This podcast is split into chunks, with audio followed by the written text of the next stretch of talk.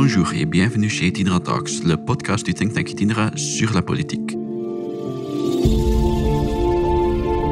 Au niveau fédéral, on approche l'anniversaire du gouvernement en affaires courantes et nous sommes retournés aux phrases d'informateurs.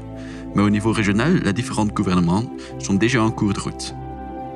L'épisode précédent, nous avons parlé de la déclaration gouvernementale flamande avec Ivan van de Kloot. Aujourd'hui, on parlera de la déclaration de politique générale de la Wallonie et de la région bruxelloise. Joignez la conversation sur les réseaux sociaux avec le hashtag Itineratox.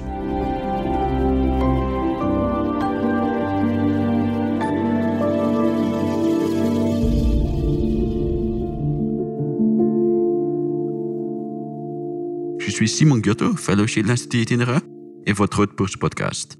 Et je suis ici avec Jean Hendrix et Joël Van Cotter. Jean Hendrix est professeur à l'UCL, senior fellow et membre fondateur d'Itinera. Joël Van Cotter vient de nous joindre comme fellow chez Itinera après une longue carrière dans divers domaines de l'action collective. Dans notre livre Un projet pour la Belgique, Itinera proposait des recommandations sur 11 différentes thématiques. Sur la bonne gouvernance, il y en avait trois recommandations clés au gouvernement prochain. Osez viser une politique ambitieuse, définissez des objectifs au lieu de focaliser sur le moyen, et utilisez au maximum les centres de connaissances pour traduire ces objectifs dans un plan stratégique. Sur ces trois étapes, l'ambition, les objectifs et l'utilisation des centres de connaissances, comment en sort la déclaration des politiques générales de la Wallonie et de Bruxelles? Bonjour. À Bruxelles, euh, on peut dire que oui, en effet, il y a une ambition. Euh, on voit que à travers le texte, il y a toute une série de, projets et de mesures concernant et qui sont ambitieuses concernant, par exemple, le logement, les conditions de vie, d'emploi, euh, la, régénération des, quartiers. Mais on peut, mettre, trois petits points. En ce qui concerne les objectifs, on y reviendra certainement. Il y en a beaucoup. Euh, peut-être même trop, euh, et ils ne sont pas précis.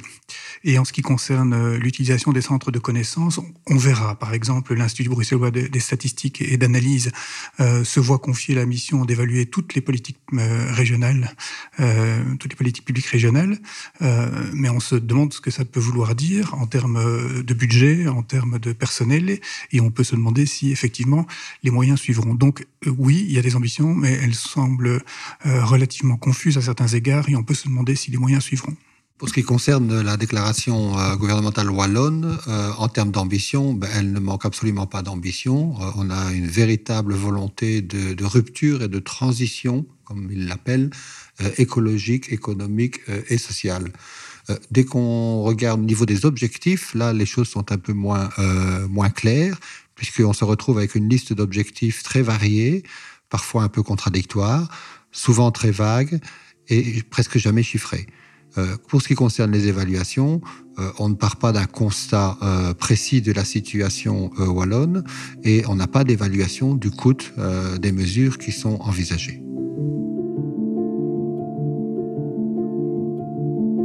Il y a quelques mois, vous avez publié un article sur la gestion publique à Bruxelles où un de vos conclusions était que tous les outils importants d'une gestion rigoureuse existent à Bruxelles mais qu'ils sont noyés dans un fonctionnement qui reste globalement problématique.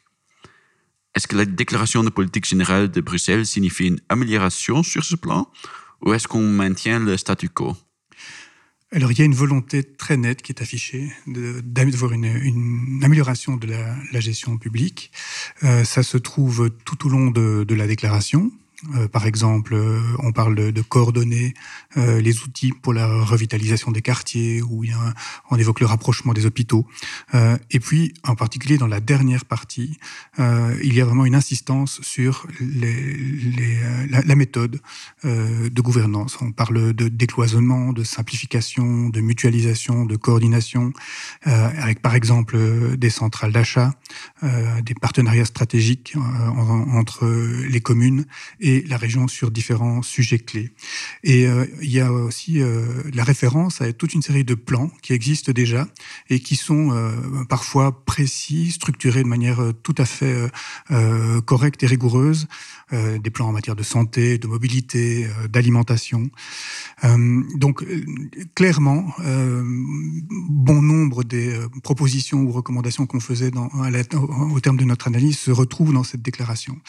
Néanmoins, la déclaration laisse aussi grandement perplexe. D'abord, et c'est le même mal que celui dont Jean-Hendrik vient de parler pour la Wallonie, euh, il n'y a pas d'objectif euh, saillant. Donc il y a là des axes, il y a trois axes, euh, mais on ne retrouve pas, euh, par exemple, cinq ou dix objectifs euh, qui seraient chiffrés, précis et par rapport auxquels on pourrait se, se situer tout au long de la législature et faire le, le bilan euh, au terme de la législature. Or, il faut rappeler quand même, comme, comme on, l'avait indiqué en reprenant toute une série de données statistiques et, et, de, et de fait, que la situation à Bruxelles est grave quand on regarde l'évolution la croissance du taux de pauvreté, le décrochage scolaire, les, problèmes de logement, de circulation qui s'aggravent objectivement quand on a des indicateurs hein, chiffrés, la, diminution de, la richesse. Euh, il y a vraiment une dégradation de la situation à Bruxelles à quelques exceptions près, notamment en matière d'environnement et pour partie de, de chômage. Donc la situation s'aggrave. On pourrait tout à fait imaginer d'avoir quelques priorités relatives à, aux, grands, euh, aux grands, grands secteurs d'activité, aux grands enjeux de la vie quotidienne, euh, et ce n'est pas là. Euh, un deuxième élément qui laisse perplexe quand on regarde la déclaration, c'est, et là aussi ça rejoint le problème de la Wallonie, le manque d'objectivation ou le caractère lacunaire de l'objectivation. Il y a peu de chiffres systématiques concernant le constat, et il y a très peu de chiffres relatifs à des objectifs. Euh, parfois même dans, les, analyses euh, et le lien entre les analyses et les, objectifs, on a des chiffres qui sont carrément fantaisistes. Ainsi, en matière d'alimentation, il y a la proposition d'avoir 30% des fruits et légumes consommés à Bruxelles qui sont produits à Bruxelles à l'horizon de 2035. Or, aujourd'hui, on est probablement à 0,1 à 0,2%. Et euh, l'étude sur laquelle s'appuie la déclaration estime qu'aujourd'hui, on a à peu près 250 hectares cultivés et qu'il faudrait avoir 1600 600 hectares cultivés pour pouvoir produire ça. Or, on ne les a pas, donc il faut soit faire de la culture verticale, soit, et c'est la proposition du document, euh, euh, cultiver dans les cultures juste environnantes, c'est-à-dire en Flandre. Or, le mot même de Flandre n'apparaît pas dans la déclaration gouvernementale. Donc, il y a une sorte d'irréalisme dans la, la, déclaration. Et puis, un, troisième élément qui laisse perplexe, euh, c'est vraiment l'absence de la, question budgétaire et euh, de la planification dans le temps. Euh, or, l'université de Namur, par exemple, vient d'indiquer que, toute chose égale par ailleurs, si on, la politique a changé, on va avoir une augmentation du déficit de la région bruxelloise passant de 6 à 10 milliards. Au terme de, de la législature, on serait à 10 milliards de, déficit, c'est-à-dire on passerait de à peu près 115 à 165% équivalent euh, au, budget.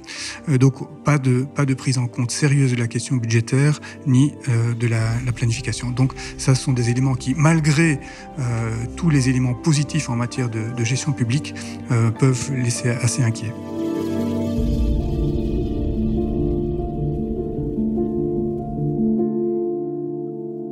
Votre analyse de la politique générale wallonne vous menez à conclure qu'elle a des ambitions disproportionnées en regard de ses moyens disponibles et de son domaine d'influence. Mais est-ce qu'une politique ambitieuse et courageuse n'est pas quelque chose à applaudir au lieu de critiquer? Oui, tout à fait. Et à cet égard, euh, la déclaration wallonne ne manque pas, comme je l'ai déjà mentionné, d'ambition euh, et fait preuve d'un volontarisme euh, très positif. Il y a une volonté de frapper fort, euh, on pourrait même appeler ça une espèce d'opération coup de poing. Euh, il s'agit quelque part d'aller vers le zéro carbone, le zéro plastique, le zéro étalement urbain, le zéro papier dans les administrations, le zéro nucléaire, le zéro énergie fossile. Sur quel horizon? Donc ça, les horizons ne sont pas précisés, mais ça peut varier de 2025 à 2030. Bon, pour le nucléaire, c'est 2025. Euh, donc ça, c'est au niveau des ambitions. Il y a une volonté aussi d'augmenter le taux d'emploi de 5,2%, euh, ce qui est considérable. Si on regarde la dernière législature, on a augmenté sur la dernière législature le taux d'emploi de 1,2%. Donc ici, l'ambition est de faire cinq fois mieux que la législature précédente. Et comment le faire? Par une rupture, une rupture vers un nouveau modèle économique euh, à savoir les circuits courts, l'économie sociale, l'économie circulaire, la valorisation des déchets, le développement d'éco-zoning. Donc on a un vrai basculement vers euh, une économie euh, verte, verdissante, avec l'espoir, ou presque je dirais le postulat, de ce qu'on pourrait appeler un double dividende, à savoir que ce développement écologique, en quelque sorte, cette transition écologique va générer plus d'emplois qu'elle n'en détruit. Tout ça est basé sur beaucoup de concertation. On sent que beaucoup d'informations et de suggestions nous viennent du terrain des suggestions très concrètes. Parfois, je pense Andy Streaming, qui est vraiment d'essayer de mettre, si vous voulez, la dimension du handicap dans toutes les politiques. Donc, c'est vraiment transversal de la région. La question de l'offre de répit pour les parents accompagnants, euh, de personnes en handicap, l'open data dans les administrations, le dossier unique du chômeur, euh, les fast track pour l'investissement. Donc on sent vraiment des propositions très concrètes à cet égard. La question est de savoir comment on coordonne tout ça au travers de grands axes stratégiques qui sont tout simplement absent euh, de la déclaration gouvernementale. Le seul axe qui traverse et qui transperce un peu toute la déclaration, c'est ce, euh, cette urgence climatique. Euh, mais ce qui manque, c'est l'urgence sociale. et l'urgence sociale, elle est criante en Wallonie. c'est 40% des jeunes qui sont aujourd'hui, selon une dernière enquête de Solidaris, en situation de difficulté financière et qui ont besoin du soutien de leurs parents. On a un jeune sur quatre sur le marché du travail qui est au chômage. Et on a un déclin wallon par rapport aux autres régions d'Europe, puisque le PIB par habitant, si vous voulez, le revenu par habitant wallon, a baissé. Il était de plus de 90% il y a une quinzaine d'années. Il est maintenant à 85% de la moyenne européenne. C'est le niveau de la République tchèque, pour vous donner euh, une idée. Et la Flandre est à 120%, c'est-à-dire 20% au-dessus de la moyenne européenne. Donc l'écart entre la Wallonie et la Flandre ne se euh, réduit pas. Euh, et ça, ça suscite un certain nombre d'interrogations.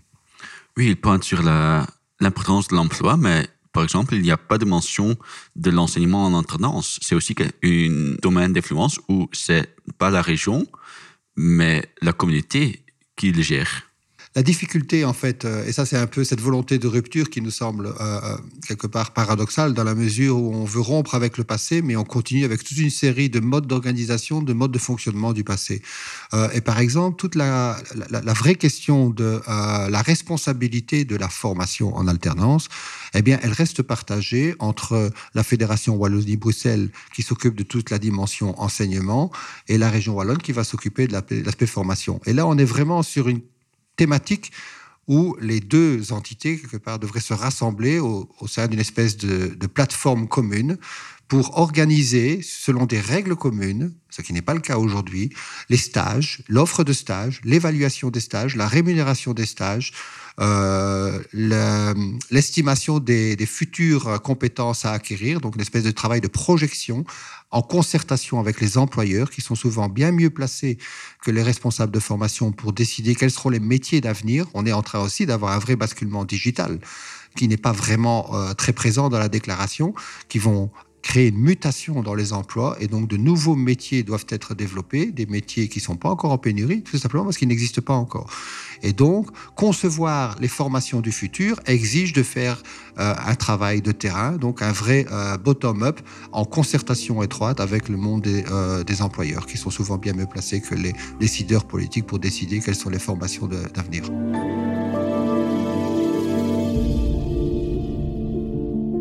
En Flandre, on a déjà un gouvernement depuis octobre, mais certains ministères sont toujours en train de compiler leur cabinet. D'un point de vue de la bonne gouvernance, que pensez-vous des cabinets qui prennent des mois pour se compiler après déjà des mois de formation? Est-ce qu'on peut se permettre ce retard?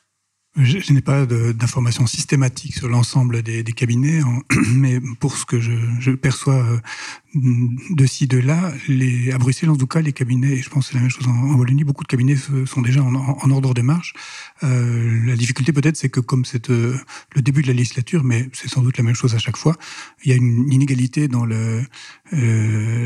l'expérience des, conseillers. Certains connaissent les matières, d'autres les découvrent.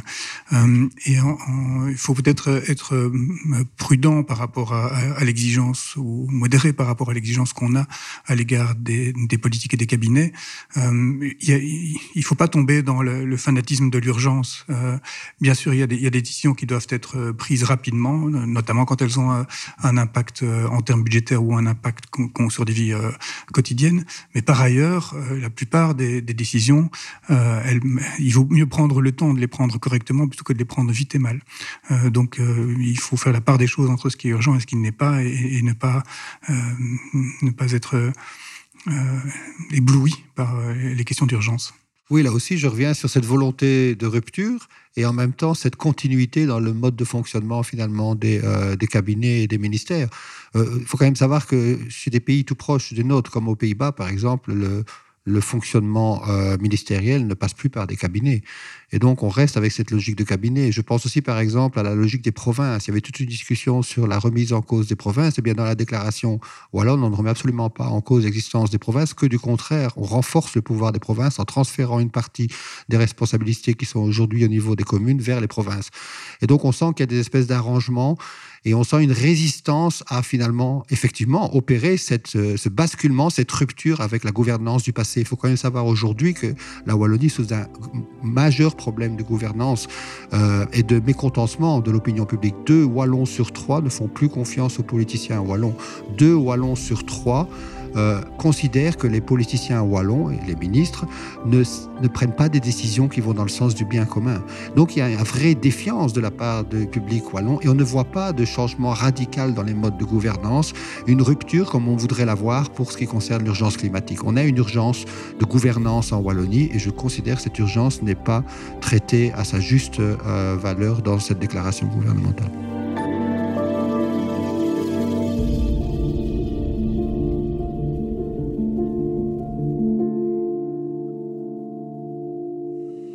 Il faut sans doute un certain niveau de confiance dans la politique pour pouvoir mener des politiques à long terme s'il n'y a pas de confiance que des objectifs à long terme seront vraiment visés. Oui, mais il y a toujours cette question du long terme et du court terme. C'est comme en sport de haut niveau. Euh, je me rappelle, Justine Hénin disait c'est une erreur fatale euh, de penser au match suivant avant d'avoir gagné le match du jour. Et ici, on a un peu cette même logique. On a l'impression qu'on n'a plus le nez sur le guidon, on regarde très très loin, mais on oublie les gens, les urgences du moment.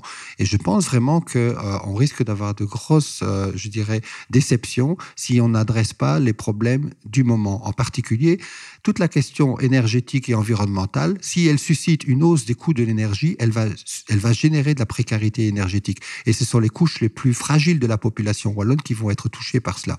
Et la grogne sociale commence comme ça. Elle a commencé comme ça en France avec les Gilets jaunes. Elle se passe exactement comme ça aujourd'hui en Amérique latine, Colombie, Venezuela. Vous trouvez la même crise sociale en Liban, toujours générée par une hausse du prix de l'énergie. C'est un élément essentiel. Donc il faut garantir effectivement cette transition euh, écologique, mais en préservant un coût de l'énergie qui soit euh, raisonnable. Donc soyez attentifs à la fin du monde, mais aussi à la fin du mois. Oui, c'est une belle façon, euh, une belle façon de conclure, euh, tout en sachant qu'il peut y avoir des tensions entre les deux. Et il faut pouvoir les anticiper et trouver des mesures qui permettent euh, d'atténuer ces pensions. Je trouve, par exemple, que la dernière initiative qui vient de sortir, qui consiste à conditionner les voitures de société au fait que ce soit des, des voitures non polluantes ou moins polluantes, est une très belle mesure, en fait, puisqu'il permet de maintenir en quelque sorte, de préserver le pouvoir d'achat, tout en essayant de modifier à très court terme la nature même du parc automobile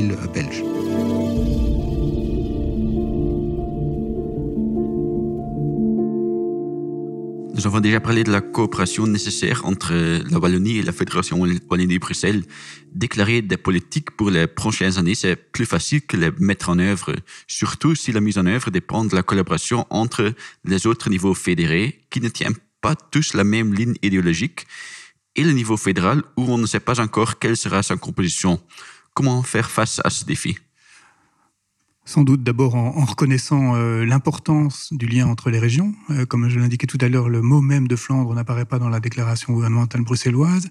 Et, euh, on, sait qu'il y a aujourd'hui, dans la plupart des pays, des dynamiques fortes liées aux, métropoles et aux grandes villes qui ont un, pouvoir de d'attraction et qui peuvent tirer ou irriguer les, régions plus, rurales qui sont autour. Et d'une certaine façon, en Belgique, on a ça aussi. Bruxelles est une grande ville cosmopolite, internationale, riche. J'en évoquais tout à l'heure les, richesses relatives des régions. Bruxelles a beaucoup perdu euh, en, production de richesses par rapport aux autres régions européennes, passant de 200% à moins de 200%, de plus de 250% à moins de 200% par rapport à la moyenne des autres régions européennes. Mais enfin, on est quand même encore à presque 200%, c'est-à-dire on est, je crois, la cinquième région européenne en termes de, production de, richesses. Donc, c'était euh, Bruxelles est, en quelque sorte une pompe par rapport à l'ensemble du pays. Or, il, n'y a pas d'indication claire du lien entre la région wallonne, euh, Bruxelles et la Flandre dans, les déclarations. Donc c'est un, vrai problème. Il faut reconnaître l'interaction entre, entre les, différentes régions. Néanmoins, euh, avec ce qu'on a, on peut déjà faire. Et il faut pas l'oublier. Bruxelles, par exemple, c'est euh, 40 à 50 000 travailleurs du secteur public euh, au sens strict, sans, parler des, associations. On a euh, à peu près 10 milliards de, euh, de moyens financiers et on sait qu'il y a un pourcentage considérable de travailleurs qui sont tout à fait démotivés, voire qui sabotent le travail. Donc avec les moyens financiers, avec les moyens humains qu'on a, on peut déjà faire beaucoup de travail. Donc euh, pour la, pour la déclaration wallonne, c'est à peu près la même chose. Euh, la région flamande n'intervient que deux ou trois fois, si je ne m'abuse, dans la déclaration, et c'est euh, à l'endroit où on parle de l'apprentissage des langues, c'est tout. Mais il faut quand même savoir que l'économie flamande est étroitement imbriquée avec l'économie wallonne, et je ne vois pas comment l'une peut vivre sans l'autre. Et donc il faut aussi réfléchir euh, aux co complémentarité entre ces deux économies et donc ce basculement vers les circuits courts, euh, vers l'économie circulaire, vers l'économie sociale, il faut voir comment on va l'articuler avec euh, la structure économique flamande. Ça me paraît euh, assez fondamental. Et le deuxième point que je voudrais mentionner, c'est aussi les complémentarités sur le marché du travail. La Flandre vieillit, énormément de travailleurs flamands partent à la pension et des pénuries se font. Ce n'est même pas mentionné dans la déclaration wallonne. Ces pénuries, ce sont vraiment des opportunités superbe pour les jeunes chômeurs euh, wallons euh, d'aller trouver un emploi ou même un stage, une formation dans une entreprise euh, de l'autre côté de la frontière linguistique, comme certains appelleraient le rideau de betterave, pour aller finalement parfaire leur formation et mettre le pied à l'étrier de l'emploi. Ça n'est pas discuté, mais ça, ça exige un effort important en termes d'apprentissage de, des langues et en termes de coopération entre le Forum et le VDAB, qui sont un équivalent flamand. Et ça, on n'en parle nulle part.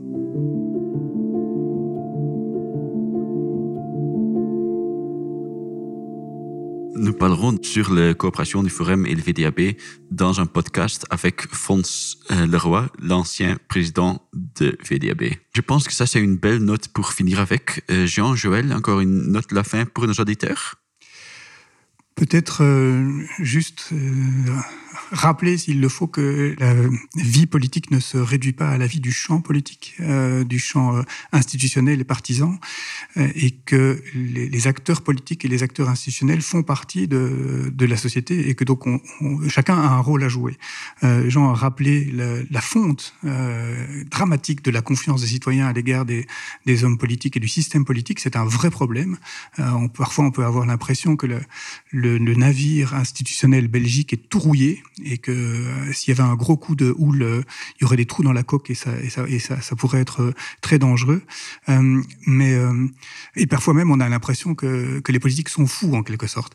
Mais un, fou, c'est celui qui perd le contact avec la réalité et qui perd le contact avec les autres. Donc les autres ont à voir aussi dans, dans la folie des politiques. Et si nous, comme citoyens, on n'interpelle pas les politiques, que ce soit au départ des entreprises, au départ des associations, au départ des universités, des journaux, il faudra pas se plaindre. Donc il faut être prudent, même si on est ici critique. Euh, on a une lecture critique des déclarations, on va voir les chiffres, on montre les incohérences, etc. Euh, il faut aussi balayer devant sa porte et, être prudent. Le métier d'homme politique est un métier, ou femme politique est un métier très difficile. Et donc il faut partager cette difficulté et chacun doit faire sa part du travail, je crois. Oui, et donc euh, je rajouterai aussi qu'on euh, ne doit pas tout demander aux politiques. Je pense qu'il faut euh, comprendre que le, politique doit aussi rester humble euh, et à un niveau de pouvoir limité. Et je pense que la communauté euh, civile, euh, les citoyens peuvent même réfléchir euh, à leur niveau sur le terrain. Qu'est-ce que concrètement on peut faire pour améliorer la situation des jeunes qui sont en attente d'emploi, pour améliorer la précarité euh, de certaines populations, pour améliorer notre système d'enseignement, de formation, pour essayer de développer des nouvelles initiatives économiques. Mais il faut aussi que le politique, en contrepartie, libère, libère des initiatives. Merci à Jean Hendrix et Joël van Kouter pour cette conversation et à nos auditeurs d'être avec nous. Abonnez-vous sur le podcast et restez en courant de la politique et les enquêtes itinéra. Joignez la conversation sur les réseaux sociaux avec hashtag Itinera Talks.